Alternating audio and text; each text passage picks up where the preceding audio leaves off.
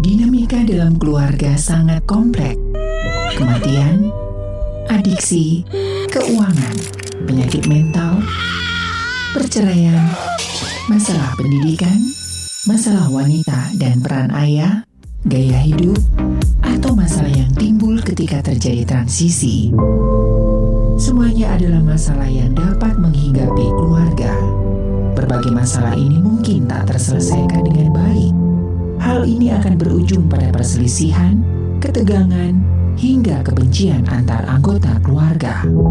Konflik keluarga dapat merusak masing-masing individu di dalamnya.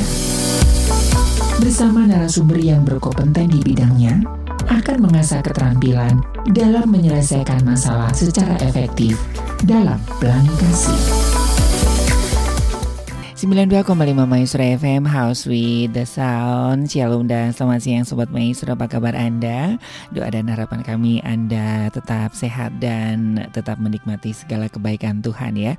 Kembali program Pelangi Kasih hadir menemani Anda di hari Selasa ya. Benar ya sekarang Selasa ya? Sudah sudah ini aroma Natal ya. Jadi udah kebayang-bayang uh, holiday gitu ya. Selasa 6 Desember 2022 hingga menjelang pukul 12 siang nanti kami akan hadir menemani Anda ya. Dan iya kita berbincang seputar uh, keuangan ya. Nanti ada Bapak Budi Hermawan atau Kobuhe dari Kingdom Business Community Bandung yang akan berbagi inspirasi kepada setiap uh, sobat maestro. Silakan bagi sobat maestro yang ingin bertanya ya langsung bisa SMS ataupun WhatsApp di 081321000925. Nah, kita akan mulai membahas mengenai prinsip uh, pertumbuhan potensial begitu ya. Nah, sebelum kita dipercayakan uh, uang, tentunya basicnya itu kan harus dibangun ya, sebagaimana dengan rumah nggak ujuk-ujuk gitu kan. Nah, apalagi sekarang uh, pemerintah mencanangkan khususnya buat daerah-daerah yang rawan gempa itu kan dibangun rumah tahan gempa. Nah, ini kan sudah mulai 2023 katanya sih masuk resesi. Gimana sih uh, supaya pondasi keuangan kita itu tetap kokoh, pondasi uh, ke kepribadian kita sebagai manusia itu tetap unggul begitu ya. Ini senada dengan uh, apa yang dicanangkan oleh oleh um, Bapak Presiden Joko Widodo begitu ya pembangunan sumber daya manusia.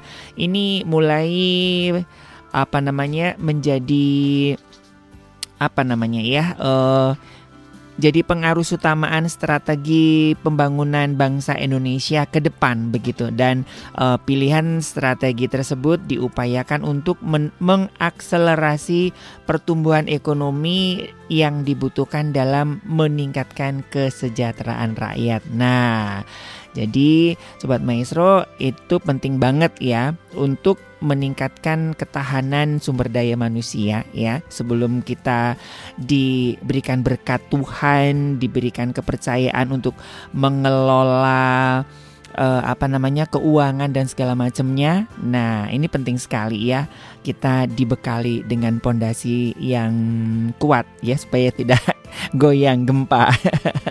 Oke, sobat maestro juga bisa bergabung bersama kami di live Instagram kami ya. Sudah bersama saya Bapak Budi Hermawan atau Kobuhe. Apa kabar, Kobuhe? Baik, luar biasa. luar Thank biasa. you, Pak Ari. Thank you. Oke. Okay. Nah, ini kita ngomong-ngomong uh, mengenai pertumbuhan ya. Uh, kobuhe enaknya kobuhe aja ya saya ngobrolnya ya. Oke, okay, siap, siap. Oke, okay, saya tadi kan menganalogikan mengenai gempa ini karena kan di Indonesia kan yeah. udah mulai rawan gempa yeah, begitu yeah. ya dan sekarang pemerintah juga uh, mencontoh bagaimana uh, negara Jepang membangun rumahnya dengan rumah yang anti gempa begitu mm, ya. Mm, nah, mm. jadi itu kan masalahnya itu kan di dasar, di pondasi dan juga rancangannya begitu mm. kan.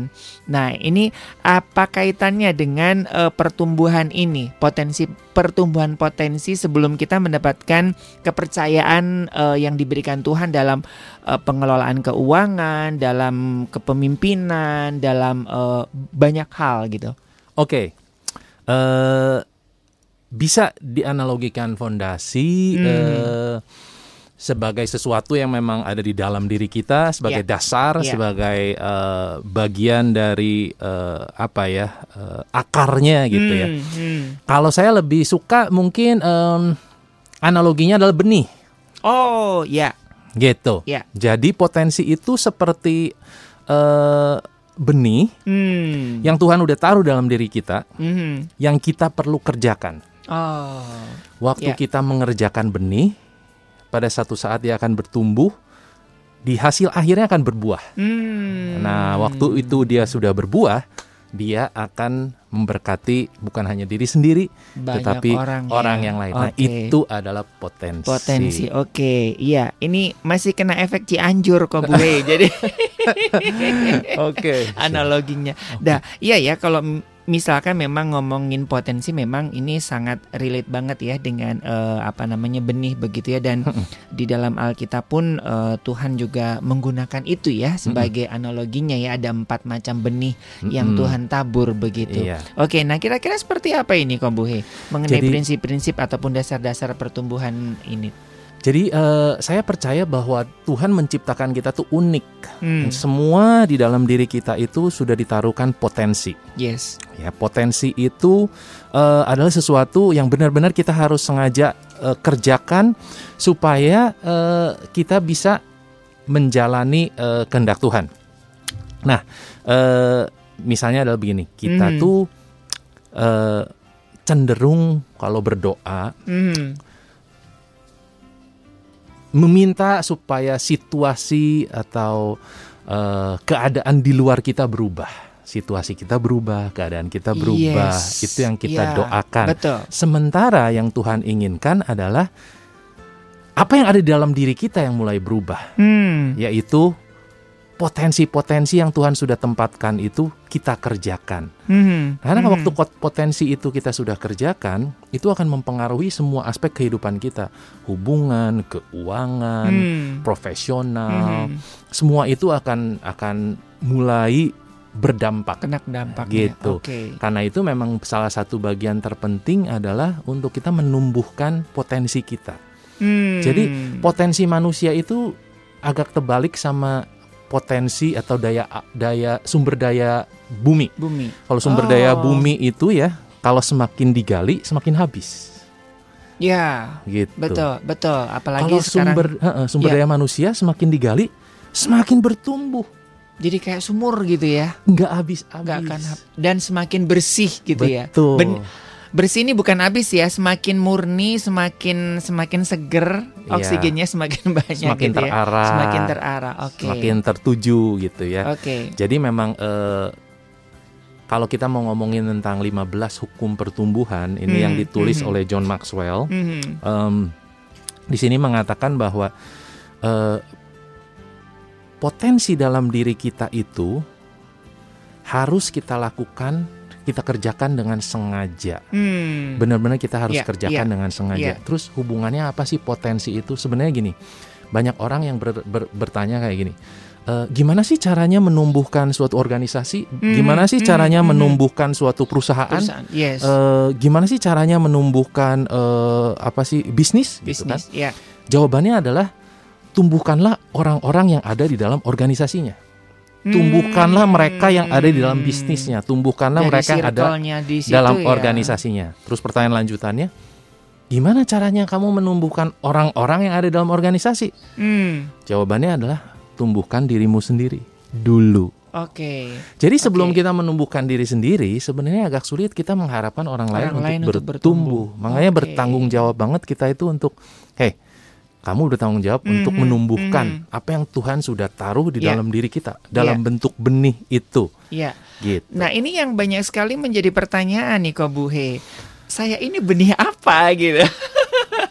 Bagaimana cara mengenalinya? Ini kan banyak sekali kan. Aku ini sebetulnya apa sih potensinya? Apa sih gitu kan? Yes. Nah, itu pertanyaannya bagus banget dan eh, hampir semua orang bertanya begitu juga. Iya. iya. Eh, benih atau potensi yang Tuhan taruh bukan hanya sekedar bakat, Hmm. bukan hanya sekedar talenta, Hmm. tapi kalau ngomong potensi, Tuhan itu udah menaruh dalam diri kita termasuk eh, karakter kita, termasuk eh, bukan karakter sorry, personality kita, Hmm, kepribadian kita, hmm, termasuk lingkungan kita, Iya, masa lalu kita. iya. Itu semua bisa berguna untuk menjadi potensi kita, Hmm. untuk kita tumbuhkan. Makanya kita tuh unik. Oke. Makanya kita nggak bisa untuk membanding-bandingkan bahwa si ini mah begitu, si ini mah begitu, karena yang Tuhan Iya. taruh sangat berbeda. Timingnya berbeda, timing Mhm, untuk berbuahnya mhm, berbeda, mhm, musimnya berbeda. Mhm, Karena itu kita mhm. harus berani melihat diri sendiri bahwa oke, saya ini kepribadiannya seperti apa ya? Saya ini orangnya ekstrovert atau introvert ya? Saya ini sukanya apa? Apa Itu yang saya nggak ya, suka? Itu pengaruh semua semuanya ya dengan betul. Dengan Itu. personality itu ya. Jadi pengaruh makanya Hmm. bakat dan talenta pun itu bagian dari potensi yang kita harus kenali dan kita harus Hmm. kerjakan. Mhm. Nah, itu termasuk dalam 15 hukum nanti yang Iya, kita akan iya, bahas. Iya, iya. Eh, kita baru introduction aja ya sobat maestro ya nggak langsung 15 Oke, ya karena enggak, nanti. Nah, ini ini eh, ini sangat menarik ini kok Buhe ya. Iya. Kan ada dua macam benih nih ya. Mm-mm. Kemarin ada yang suka nanya. Ada benih yang sudah jelas-jelas kita tahu nih. Wah, ini benih padi. Gimana cara nanamnya udah tahu. Tapi ada benih yang ini benih apa ya? Untuk mengetahuinya kan harus ditanam. Betul. Nah, untuk yang buat yang enggak yang sudah tahu oke lah.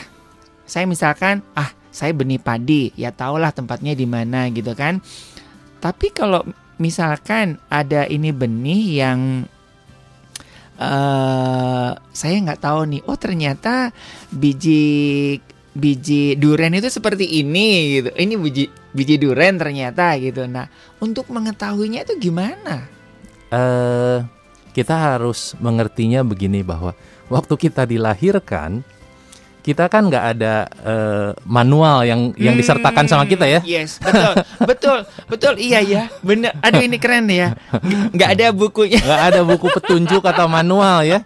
Kalau kita kalau beli barang atau apa kan begitu kita buka boxnya kan ada Nah. petunjuknya kan, cara pemakaiannya, fungsinya dan semua Aduh, kan. aduh ini keren Gitu. ya. Seandainya ada bayi lahir terus ada buku manualnya ya. Iya. Jadi yang adanya kan cuman ari-ari doang ya, Betul. plasenta ya. Betul. Mungkin di betul. bisa aja ya.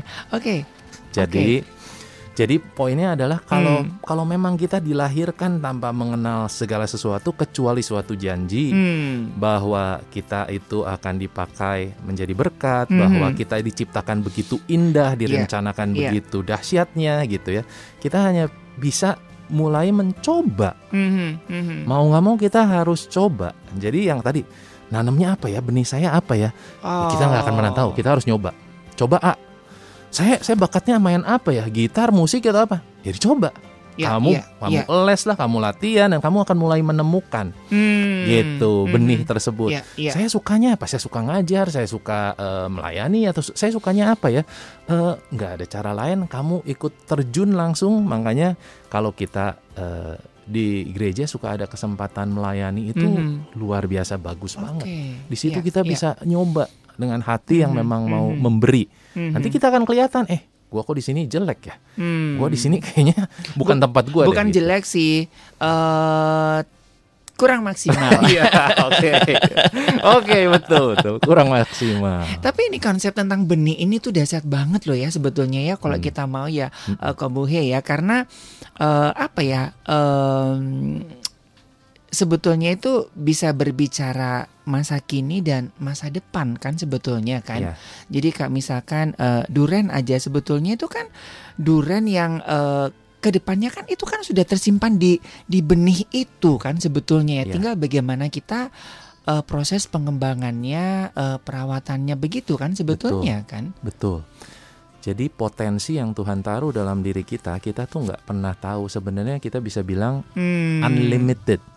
Karena yang Oh, yang yang membuat limit, yang membuat batasan yaitu hanya kita, kita sendiri. sendiri. Oke. Waktu kita nggak mau peduli, kita nggak mau mhm, tahu, mhm. kita nggak mau mengerjakan, Mhm. atau kita berhenti mengerjakan di satu titik.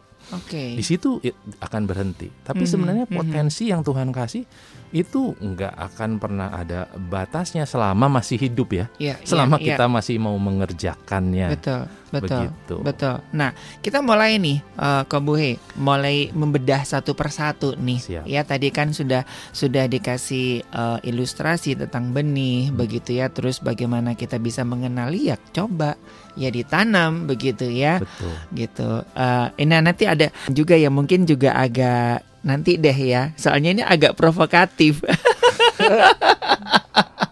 Siap. salah salah salah tempat. Soalnya saya dengar juga ya dari John Maxwell misalkan kalau kamu nggak bertumbuh di satu tempat dua alasan. Kamu yang salah tempat atau memang kamunya yang nggak mau bertumbuh Iya, harus betul. pindah perusahaan katanya begitu. Nah nanti di di Very good. ujung-ujung deh ya. Soalnya ini sangat provokatif ya. Siap, siap. Very good, very good. Oke kita mulai dulu Kak Buhe. Seperti apa nih? Nah, jadi langkah yang pertama adalah kita harus menyadari bahwa kita Hmm. punya potensi. Oke. ya. Nah, waktu kita menyadari bahwa kita punya potensi, kita harus mengerjakan itu. Nah, kita mulai masuk ke dalam prinsip-prinsipnya apa sih untuk Hmm. untuk menumbuhkan potensi, itu? Ya. Kita akan bahas nanti kan 15 minggu nih ya. Jadi eh, Hmm, 15 hmm. kali nih. Jadi Mhm. eh, kita akan mulai dengan hari ini dengan hukum yang nomor satu. Iya. Eh, prinsip yang nomor satu. Iya. Prinsip nomor satu bilang bahwa pertumbuhan itu nggak ada yang terjadi secara tiba-tiba, nggak ada yang kebetulan. Oh. Jadi eh, pertumbuhan itu harus disengajakan. Hmm, Makanya hmm, hmm, Hukum hmm. nomor satu itu hukum kesengajaan. hukum kesengajaan. Oke, gitu. oke.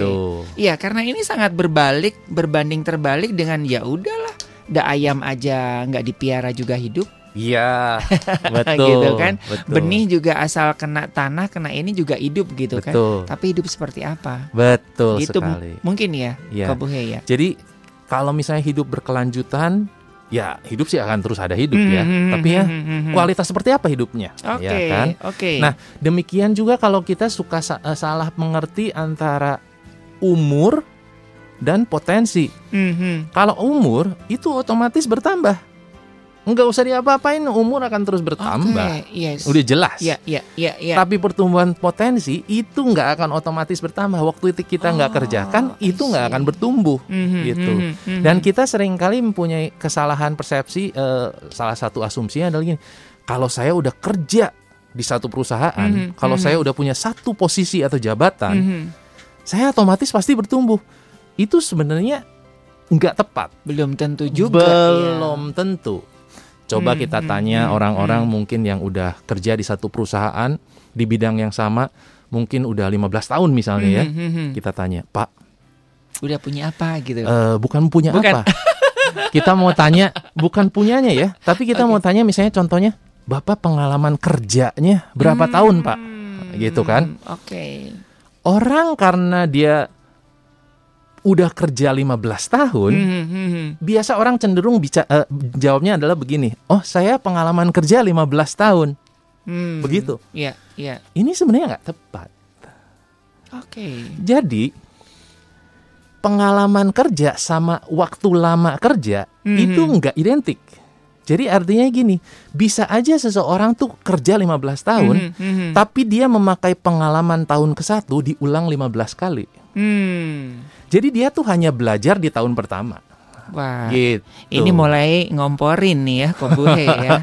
Oke, oke. Gitu. Iya, mudah-mudahan ini sobat maestro mulai kebuka ya. Jadi pengalaman 15 tahun itu belum tentu benar-benar pengalaman 15 tahun karena pengalaman satu tahun dia Hmm, diulang, diulang 15 lagi kali. 15 kali. Itu sebenarnya orang suka ngomong saya stuck nih. Aduh saya udah nggak ngapa-ngapain nih, saya udah nggak ngerasa lagi, saya udah nggak ada passion dan sebagainya because Eh. ah, kamu udah stop growing, kamu udah berhenti bertumbuh.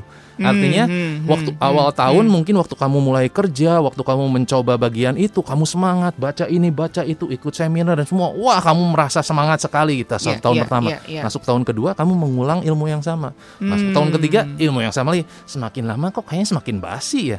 Hmm, Karena hmm, hmm, kalau hmm, kita pengen hmm, pengalaman hmm. 15 tahun, setiap tahun kita harus ada pertumbuhan yang baru, pembelajaran Oke. yang baru. Iya, iya. Begitu. Dan kadang-kadang itu yang sering kali menjadi kebanggaan ya. Hmm. Saya juga tertampar dengan hal itu kok Buhe gitu Hmm. kan. Eh, lu jadi penyiar berapa tahun? Eh, ya ngerasa paling senior ya. ya, nggak ini sih eh, nggak lama berapa tahun? Ya kira-kira 25 tahun. Wow, orang Wah, luar biasa. terbelalak gitu kan.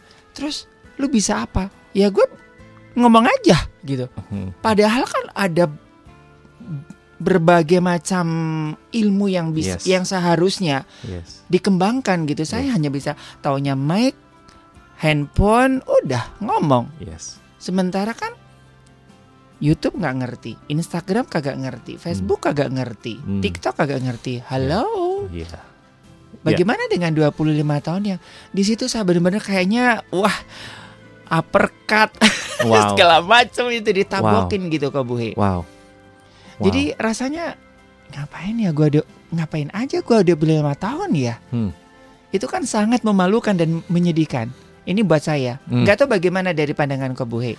Jadi sebenarnya bukan bukan masalah waktu kita malu, tapi masalahnya waktu kita sadar kita perlu merayakan itu. Oh. Hey, Gue udah tahu nih gue sekarang. Now what what what are you gonna do? Hmm, hmm, hmm, What's next? Sekarang kamu udah tahu. What's next? Oh kalau gitu gue bakalan nyoba sesuatu yang baru nih. Gue bakalan ngambil sesuatu yang baru nih. Gue bakalan eh, mempelajari sesuatu yang baru. Gue bakalan Hmm, kenalan dengan hmm. orang yang baru. Bakalan ikutan komunitas yang baru dan sebagainya. Di situ sesu- sebagai sesuatu yang membukakan. Eh rupanya Hmm. not that bad. Masih ada kesempatan. Oke, Begitu. nah ini harus ini ya sobat maestro ya. Tapi ya tapi orang kadang-kadang, nah termasuk saya kan orang introvert ya. Mm-mm. Ini mesti harus dijedotin ke tembok. Ah, ya udahlah, ada umur tinggal berapa, udahlah biarin aja. Nah, Hmm, ini kan salah besar kan, Mm-mm. sebetulnya ya, Kobuhe ya. ya betul. Gimana caranya untuk eh, kita menghidupi eh, prinsip yang pertama ini, Mm-mm. unsur kesengajaan dalam sebuah pertumbuhan potensi? Pertanyaannya bagus untuk memulai dengan satu pertanyaan ini. Apa kamu sudah punya rencana Hmm. dalam bertumbuh? Itu itu pertanyaan kesengajaan adalah gitu. Kamu punya rencana nggak untuk bertumbuh? Artinya gini, kita untuk pergi liburan Hmm, hmm. punya perencanaan loh. Mau liburan tahun depan, Iya. bulan apa, mau ke mana, budgetnya berapa, itinerary-nya seperti Itu- iya, apa, iya, iya. mau ikut tour atau mau sendiri, terus mau sama siapa aja, itu udah komplit berapa minggu segala macam. Mhm, mhm, Mau mhm. liburan aja ada rencana. Lah kalau kita mau bertumbuh ada rencana nggak?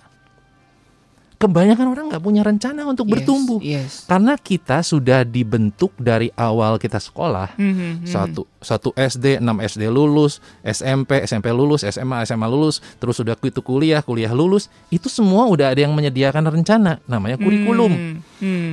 hari apa kamu belajarnya apa nanti kamu belajar bidangnya apa segala dan kamu dinyatakan lulus, satu Lulus. titik nah sesudah itu semua orang mulai kehilangan arah nggak ada Hmm. rencana lagi mereka itu masuk ke dalam berbagai macam asumsi Iya, asumsi yang iya, tadi kita udah iya, sebut Iya, iya. saya akan otomatis bertumbuh lah kalau nanti saya kerja mah Hmm, gitu. hmm, hmm, Kalau hmm. saya pelayanan mah dan semua enggak, enggak otomatis. Ya, harus ya. benar-benar punya rencana, harus mempunyai sesuatu yang oke, untuk saya bertumbuh saya akan melakukan ini, saya akan membiasakan diri dengan kebiasaan ini, Hmm. saya akan ikut dalam komunitas ini, saya akan membaca buku ini semua itu harus ada rencananya. Oke. Begitu. Jadi langkah pertama adalah buat rencana. yes. Jangan ya udahlah, kan hidup mengalir seperti air. Itu bahaya ya statement seperti itu ya, Kobohe ya. Ya, mengalir seperti air itu seperti berlayar tanpa tujuan. Jadi kita Hmm. nanti ngambang. Iya. Ya, ya, ya ngalir Ya, sih, ya, ya. ngambang. Tapi seperti inilah. Kalau kita misalnya main eh, panahan ya, Hmm. Panahan. terus kita memanah tanpa ada target. Jadi eh, biasanya orang tuh seperti itu. Kita panah dulu, waktu udah nempel di tembok, baru kita gambar targetnya. Ya pasti selalu kena. Karena apa pun itu ya sesudah gua manah ke mana pun baru gua gua gambar tuh kena tuh Nah. gitu. Nah yang kita mau kan sebenarnya terarah, fokus gitu loh. Oh, Nah, nah, itu udah udah namanya target. sama di di antara kita itu ada yang suka naik gunung nih Kobohe. Oh gitu ya. Bang Yuda ini. Oh gitu Kan- ya. kan biasanya kan suka ini ya, ada targetnya gitu kan. Nyasar gitu kan. Buat Oh. alibi enggak gua ny enggak nyasar, emang gua mau ke sini gitu. Enggak. iya. Jadi sebenarnya kalau kita nggak ada arah ke mana pun ya nggak salah. Oke. Maksudnya juga nggak bener juga. Iya, Jangan iya, ngomong iya, bahwa iya, lu iya. bener ya, lu nggak ada Mhm, tujuan, it mhm, means mhm. ya lu nggak bener ya lu nggak salah. Nowhere gitu loh. Ya Oke. cuman jalanin aja seperti itu.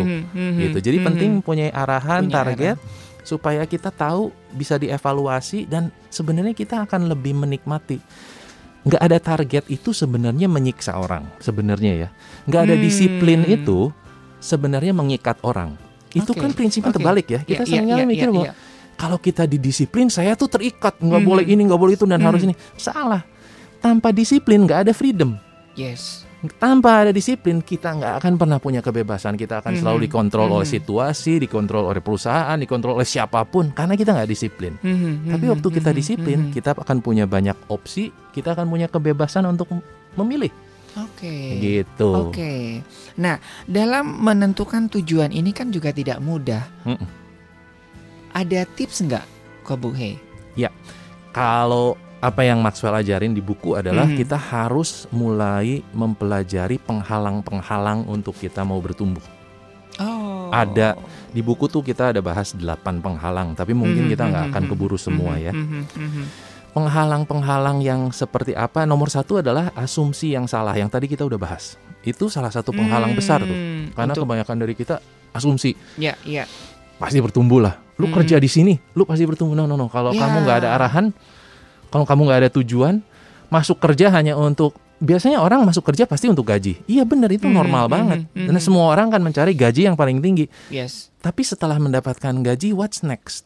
Hmm. Sebenarnya yang kita perlu tanyakan, oke, kalau saya masuk di perusahaan ini, saya akan berkembang bidangnya apa, pengetahuannya apa, Hmm, akan saya hmm, saya dapat hmm, hmm. saya dapat eh, network yang baru Iya. kah dan itu kan harusnya dipikirkan ya. Hmm, Tapi hmm. kebanyakan dari kita berpikirnya asumsi itu tadi otomatis lah. Oh. Nah ini yang bahayanya adalah gini, udah masuk perusahaan dan kita pilih perusahaan yang bagus, perusahaan Mhm, yang berkembang mhm, mhm. dan kita cari perusahaan yang memang mempunyai pelatihan-pelatihan untuk anak buahnya, gitu, Oh, ya kan? Itu iya, bagus tuh iya, kan? Betul, betul. Tapi bahayanya dari sini adalah waktu kita mulai bergantung penuh sama perusahaan Mhm. untuk menumbuhkan kita. Mhm, mhm. Jadi kalau perusahaan nggak kirim saya latihan atau training, ya Stuck saya nggak bertumbuh. Oh. Ya, ya habis perusahaan juga nggak pernah menugaskan saya pergi seminar, perusahaan juga nggak pernah bayar saya untuk ini. Mhm, Ya udah. Nah, mhm, mhm. ini juga bagian dari asumsi bahwa pertumbuhan itu harusnya tanggung jawab orang lain. No, pertumbuhan Oke, itu oke. tanggung jawab kita. Oke. Kalaupun perusahaan nggak kirim, kalaupun hmm, misalnya pelayanan hmm. nggak kirim, kita yang harus cari cara bagaimana saya bertumbuh karena saya punya benih yang saya harus kerjakan. Oke. Gitu. Wah, ini saya sedikit terselamatkan ya. Soalnya ada beberapa temen yang bilang, ngapain sih lu di Maestro? Yuk ikut aku aja di Jakarta nih. Ini tuh ada programnya nih di perusahaan ini nih. Lu kan jurnalisnya yang gini. Oh nanti dikirim ke sono sono sono sono sono. Faktanya setelah nggak ada program dari perusahaan, buat happen? Mau Iya. apa? Mau apa lagi? Bingung kan? Iya. Nah, kalau untuk saya jelas kita lebih suka sama perusahaan yang kasih training, betul, Hmm, dibanding perusahaan hmm, yang nggak hmm. ada training, Yes, ya kan? Yes, yes. Tetapi inti yang di barusan kita ngobrol adalah at the end of the day kita yang harus menentukan Ya, kita mau ya, bertumbuh ya. atau enggak di mana pun perusahaannya. Soalnya kalau kita nggak punya pertumbuhan, kita akan terikat di satu situasi. Ini yang saya sebut tadi. Mhm, mhm. Kita lebih mengharapkan dan kita berdoa untuk Tuhan ubahkan dong, Tuhan Mhm. rubahkan situasi dan Iya, semua. iya, iya. Sementara Tuhan menginginkan diri kita yang mulai dirubah. Dan kita tuh nggak sinkron dalam apa yang Tuhan mau dan apa yang kita doakan. Makanya nggak ada terobosan terus. Tidak ada terobosan, tidak Iya, ada breakthrough. iya, iya. Karena seharusnya kita mulai nyadar, oh yang Tuhan inginkan dalam musim saya ini, rupanya dalam diri saya dulu yang dirubah, bukan Hmm. lingkungan saya yang dirubah. Hmm, hmm, Nah di hmm. sini kita belajar, Hmm, hmm. menumbuhkan, Hmm, mulai belajar dan sebagainya. Dan akhirnya waktu kita mulai berbuah, Iya, iya. lingkungan kita pun akan berubah. Oke. Kita pengennya berubah dulu. Mm-mm, Yang betul. Tuhan mau kita berbuah dulu untuk membuat yang lain berubah. Hmm, Begitu. Itu prinsipnya iya, iya. yang kita perlu Oke. sadarin. Nggak boleh kita, maksudnya jangan sampai kita berasumsi itu Asumsi. otomatis. Iya, iya. Aduh, ini ini 11 12 nih ya. Jadi sepertinya bagus tapi ternyata aduh sayang ya. Ke- Kembali lagi kepada eh, diri sendiri ya, Ya. Kobuhe ya. Ya. Soalnya ada beberapa yang saya juga kadang-kadang agak iri begitu ada eh, teman yang dia masuk di sebuah perusahaan yang memang dia sediakan banyak fasilitas tapi dianya enggak. Gitu. Aduh ya ampun Ya sayang sayang banget. harusnya kamu bisa ketemu mengembangkan begitu ya apalagi di dunia entertain itu kan eh, kesempatan untuk bertemu dengan siapa pun itu kan luas Iya, sementara dia di belakang meja aja begitu yes. sayang banget gitu loh. Sayang. kesempatan-kesempatan yang mungkin eh, kita ng- yang sudah Tuhan rancang sebetulnya ya, Ya. sebuah benih yang dia berbuah banyak, dia hanya berbuah satu biji aja gitu kan. Iya. Jadi script writer aja gitu Ya. kasarannya. Sementara kan di perusahaan itu kan dia bisa ketemu artis misalnya, ketemu Iya. pejabat misalnya, Benar. ketemu dengan kobuhe begitu kan, ngomong-ngomong bisnis gitu Yes. kan. Ah nggak mau ah, gua mah ngetik aja gitu kan Iya. atau Bang Yuda gitu kan hanya operator aja. Nah ini kesempatan loh Bang Yuda ya nabrak sekalian nabrak. Saya senang sekali kalau kita sebagai eh, orang-orang yang mau terbuka dan mau menyadari bahwa kita semua memang punya kelemahan Hmm, hmm, gitu. Dan hmm, memang hmm. kita semua selalu Yes, mencari yes. zona nyaman. Dan bukan berarti zona nyaman itu jelek, jelek. tapi iya. kita harus ngerti bahwa kalau mau bertumbuh nggak bisa di dalam zona nyaman. Nggak Mhm, ada pertumbuhan di dalam zona nyaman. Kalau mau bertumbuh iya. harus keluar ke dalam zona tantangan gitu loh. Hmm. Zona iman, zona tantangan Mhm, itu mhm, beda sama mhm. zona nyaman. Mhm. Gitu. Soalnya soalnya ada yang mengatakan juga bahwa justru zona nyaman itu zona yang sangat berbahaya katanya, yang Memang tidak iya. nyaman katanya. Iya. Nah, kita sering kali juga jangan sampai ngomong bahwa kalau gitu kamu nggak boleh zona. No, no. Kita Mhm, perlu mhm, ada zona nyaman. mhm.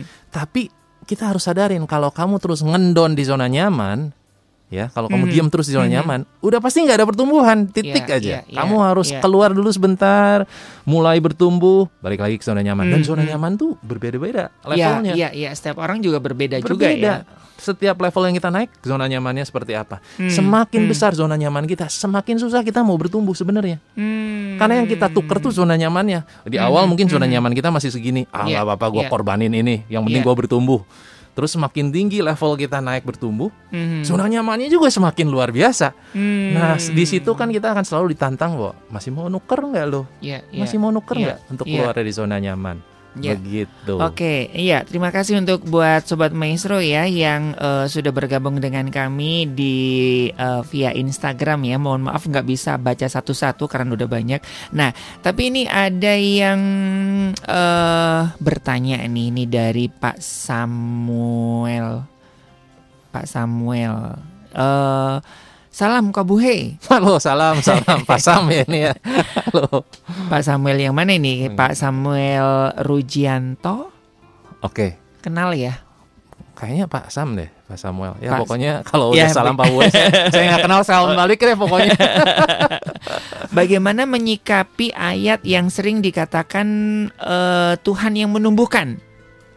Jadi bukan kita yang menumbuhkan. Eh, yang memberi buah itu memang Tuhan. Ya. Yang memberi buah memang Tuhan. Mhm. Tapi yang setia dalam proses itu kita. Oh. Yang mengerjakan kita. Dan nggak mungkin kalau kita nggak kerjain, kita nggak kasih mhm. pupuk, kita nggak nyiram. Terus kita berdoa Tuhan supaya ada buahnya. Nggak bisa bagian kita menyiram, bagian kita kasih pupuk, mengerjakan tanahnya dan semuanya. Tuhan yang akan Ada bagiannya masing-masing ya. Iya. Jangan jangan eh, Tuhan yang menabur, Tuhan yang menyiram. Orang Rasul Paulus aja juga menyampaikan itu begitu ya Betul ketika sekali. ketika ada yang eh, berantem bla bla bla begitu Yes. kan. Ya mungkin si si Paulus bagiannya siapa, Si Apolos si Apolos bagian lagi. apa, si Petrus bagian apa. Ya Betul. udah jangan jangan meng- mengiri dan menganan. Bener. Oke, oke, oke, oke. Jadi seperti itu ya. Emang Tuhan yang menumbuhkan ya. Tu- Tuhan yang memberikan pertumbuhan, Hmm. ya kan? Tapi kita bertanggung jawab mengerjakan potensi itu. Yes. Makanya kita sering kali itu kan suka nggak sabar dengan waktu ataupun dengan musimnya Tuhan. Kita pengen, Hmm. gue udah melakukan ini kok masih belum kelihatan. Gue udah ini kok masih belum ini. Karena memang bagian dari kita untuk tetap setia aja. Betul. Kita tahu sebenarnya kalau setia itu kan yang firman Tuhan ngomong, setia itu kan identik dengan berbuah. Hmm. Setia itu bukan cuma sekedar ngendon dan nungguin asal Iya, datang iya, asal iya. ada enggak. Bukan setia pasif itu ya, setia iya, itu ya. setia itu artinya makanya hambaku yang baik dan setia itu karena dia mengerjakan talentanya. Hmm. Disebutnya makanya waktu kamu mengerjakan talenta dan kamu berbuah, kamu disebutnya baik dan setia. Jadi Mhm, setia bukan mhm. cuma selama saya selalu datang, selama saya. Iya, No, kamu iya, buahnya iya. apa? Gitu. Betul, betul, betul. Ini hampir hampir mirip dengan orang konsisten ya. Orang konsisten kan dima- dimaknai eh, apa eh, pasif gitu ya.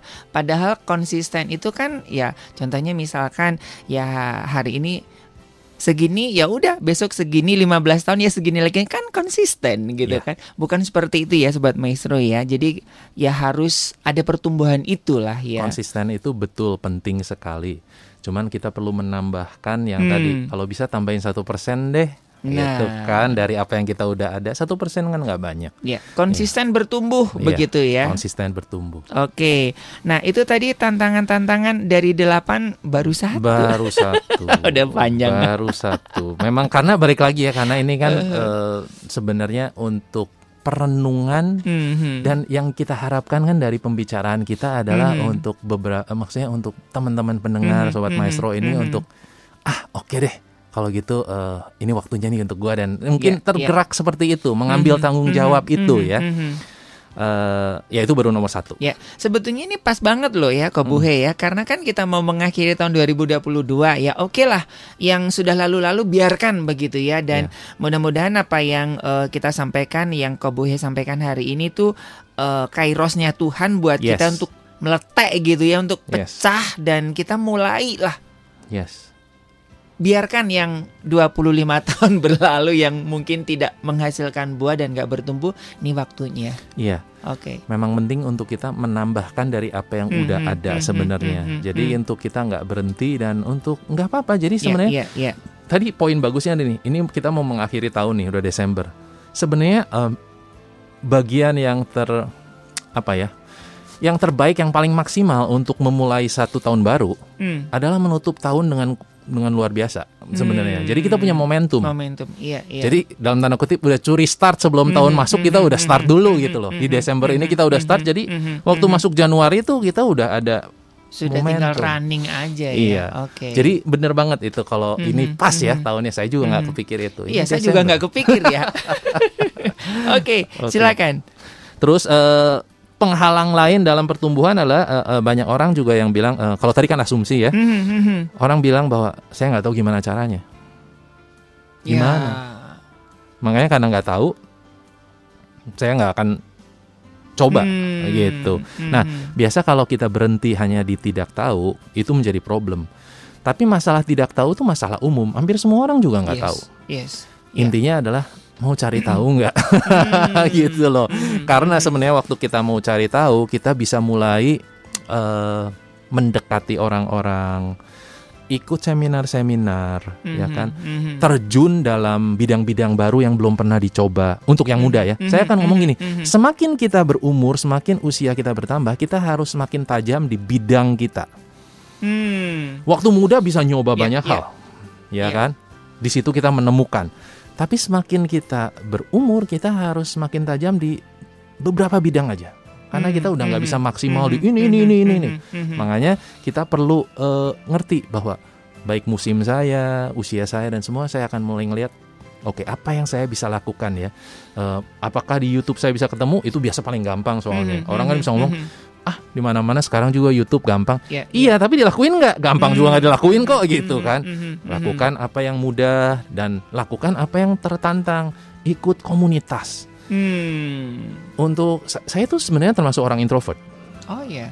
Jadi saya tuh harus menantang diri untuk bicara di depan, untuk ketemu orang baru di komunitas. Mhm, Karena sebenarnya kalau mhm. orang introvert kan pengennya kalau bisa nggak ketemu ya nggak Ya, ketemu gitu ya, kan. ya, betul, betul, betul, betul. Tapi memang loh ya, ini saya kemarin iseng-iseng ya membaca eh, beberapa survei ya. Jadi kayak eh, orang-orang yang di entertainment ya Mhm. di radio motivator itu ternyata 80 sampai 90% itu orang introvert. Wow, itu saya baru Gitu. tahu loh. Oh gitu iya, ya. Iya, saya pikirnya orang-orang yang ya orang-orang yang eh, yang yang hanya 10 eh, 20 sampai 10% itu orang-orang yang eh, sanguin gitu, yang Wow. gampang bla bla bla bla gitu. Tapi yang 80 sampai 90% itu sebetulnya orang-orang introvert ternyata yang Ya. berani menjawab tantangan itu ternyata. Iya. Itu Gitu. menarik tuh ya. Saya saya baru ngerti. Tapi menurut saya saya cukup bisa melihat kenapa. Karena orang-orang introvert mempunyai kecenderungan dalam hal ketelitian, konsistensi hmm, dan hmm. komitmennya. Gitu Hmm, sebenarnya yang hmm, saya hmm, lihat ya. hmm, hmm, Jadi hmm. ya eh, mungkin itu yang menjadi penggerak. Cuman kan pendobraknya adalah untuk tampil dan Iya, untuk iya, iya. untuk bertemu orang baru itu tuh Mhm, mhm. itu memang barrier tapi ya menurut saya kita harus mulai ngelihat siapa diri Iya, kita iya, dan iya. kita mulai cari tahu cara-caranya ngumpul ikut support group support group Mhm, misalnya untuk mhm. pertumbuhan ikut mentoring mentoring Mhm. tapi harus mau mengusahakan dari diri jadi kalau Ya. belum tahu gimana caranya segera cari tahu Betul, betul, Gitu. betul. Iya, itu penting ya sobat maestro ya. Saya aja yang kasarannya 25 tahun di dunia radio, saya ng- ngikutin tuh semua komunitas radio, komunitas voice over, komunitas dubbing, Wow. komunitas teater, wow begitu. Jadi ya sekalipun saya di secara ini senior, tapi kan kita ilmu-ilmu yang sekarang kan beda, bener ya bener gitu. Jadi jadi bukan sebuah kebanggaan ya sobat maestro ya. Jadi itulah harus kita mau memaksakan diri untuk eh, apa ya unsur ini yang pertama tadi prinsip kesengajaan itu ya. Iya. Mhm, mhm. Oke, itu kan baru dua ya baru dua, masih panjang ini. Nah, jadi ada, ada ini- kita masuk ke tiga aja ya. Iya, iya. Eh, secara cepat nomor tiga penghalangnya adalah gini, suka mempergunakan eh, pemikiran nih. Aduh, waktunya belum tepat deh untuk gue mulai. Hmm. Kayaknya belum sekarang deh. Hmm, hmm, Aduh, hmm. misalnya nih kan ada. Saya kan baru melahirkan, masa saya udah ikut program gitu kan masih ada Hmm, prioritas hmm, lain. hmm, Betul, hmm. itu nggak Iya, salah, iya, itu iya. loh. Tapi ada juga yang seperti ini. Eh, saya perlu jaga makan dan ikut eh, diet tertentu atau program Mhm, nih gitu mhm, kan. mhm, Kayaknya jangan sekarang deh. Ini kan lagi musimnya Christmas nih. hmm. Nanti dikit-dikit makan sini, makan sana. Ah, nanti deh. Tunggu tahun depan. Lihat deh, tunggu tahun depan kan. Waktu Iya, begitu iya. masuk tahun depan, saya pernah ada sama eh, grup-grup kelas saya eh, waktu itu kita di bulan Februari. Mhm. Eh, Oke, kita mau bikin goal untuk 40 hari ke depan. Kita Iya. sama-sama deklarasikan dan kita jalanin.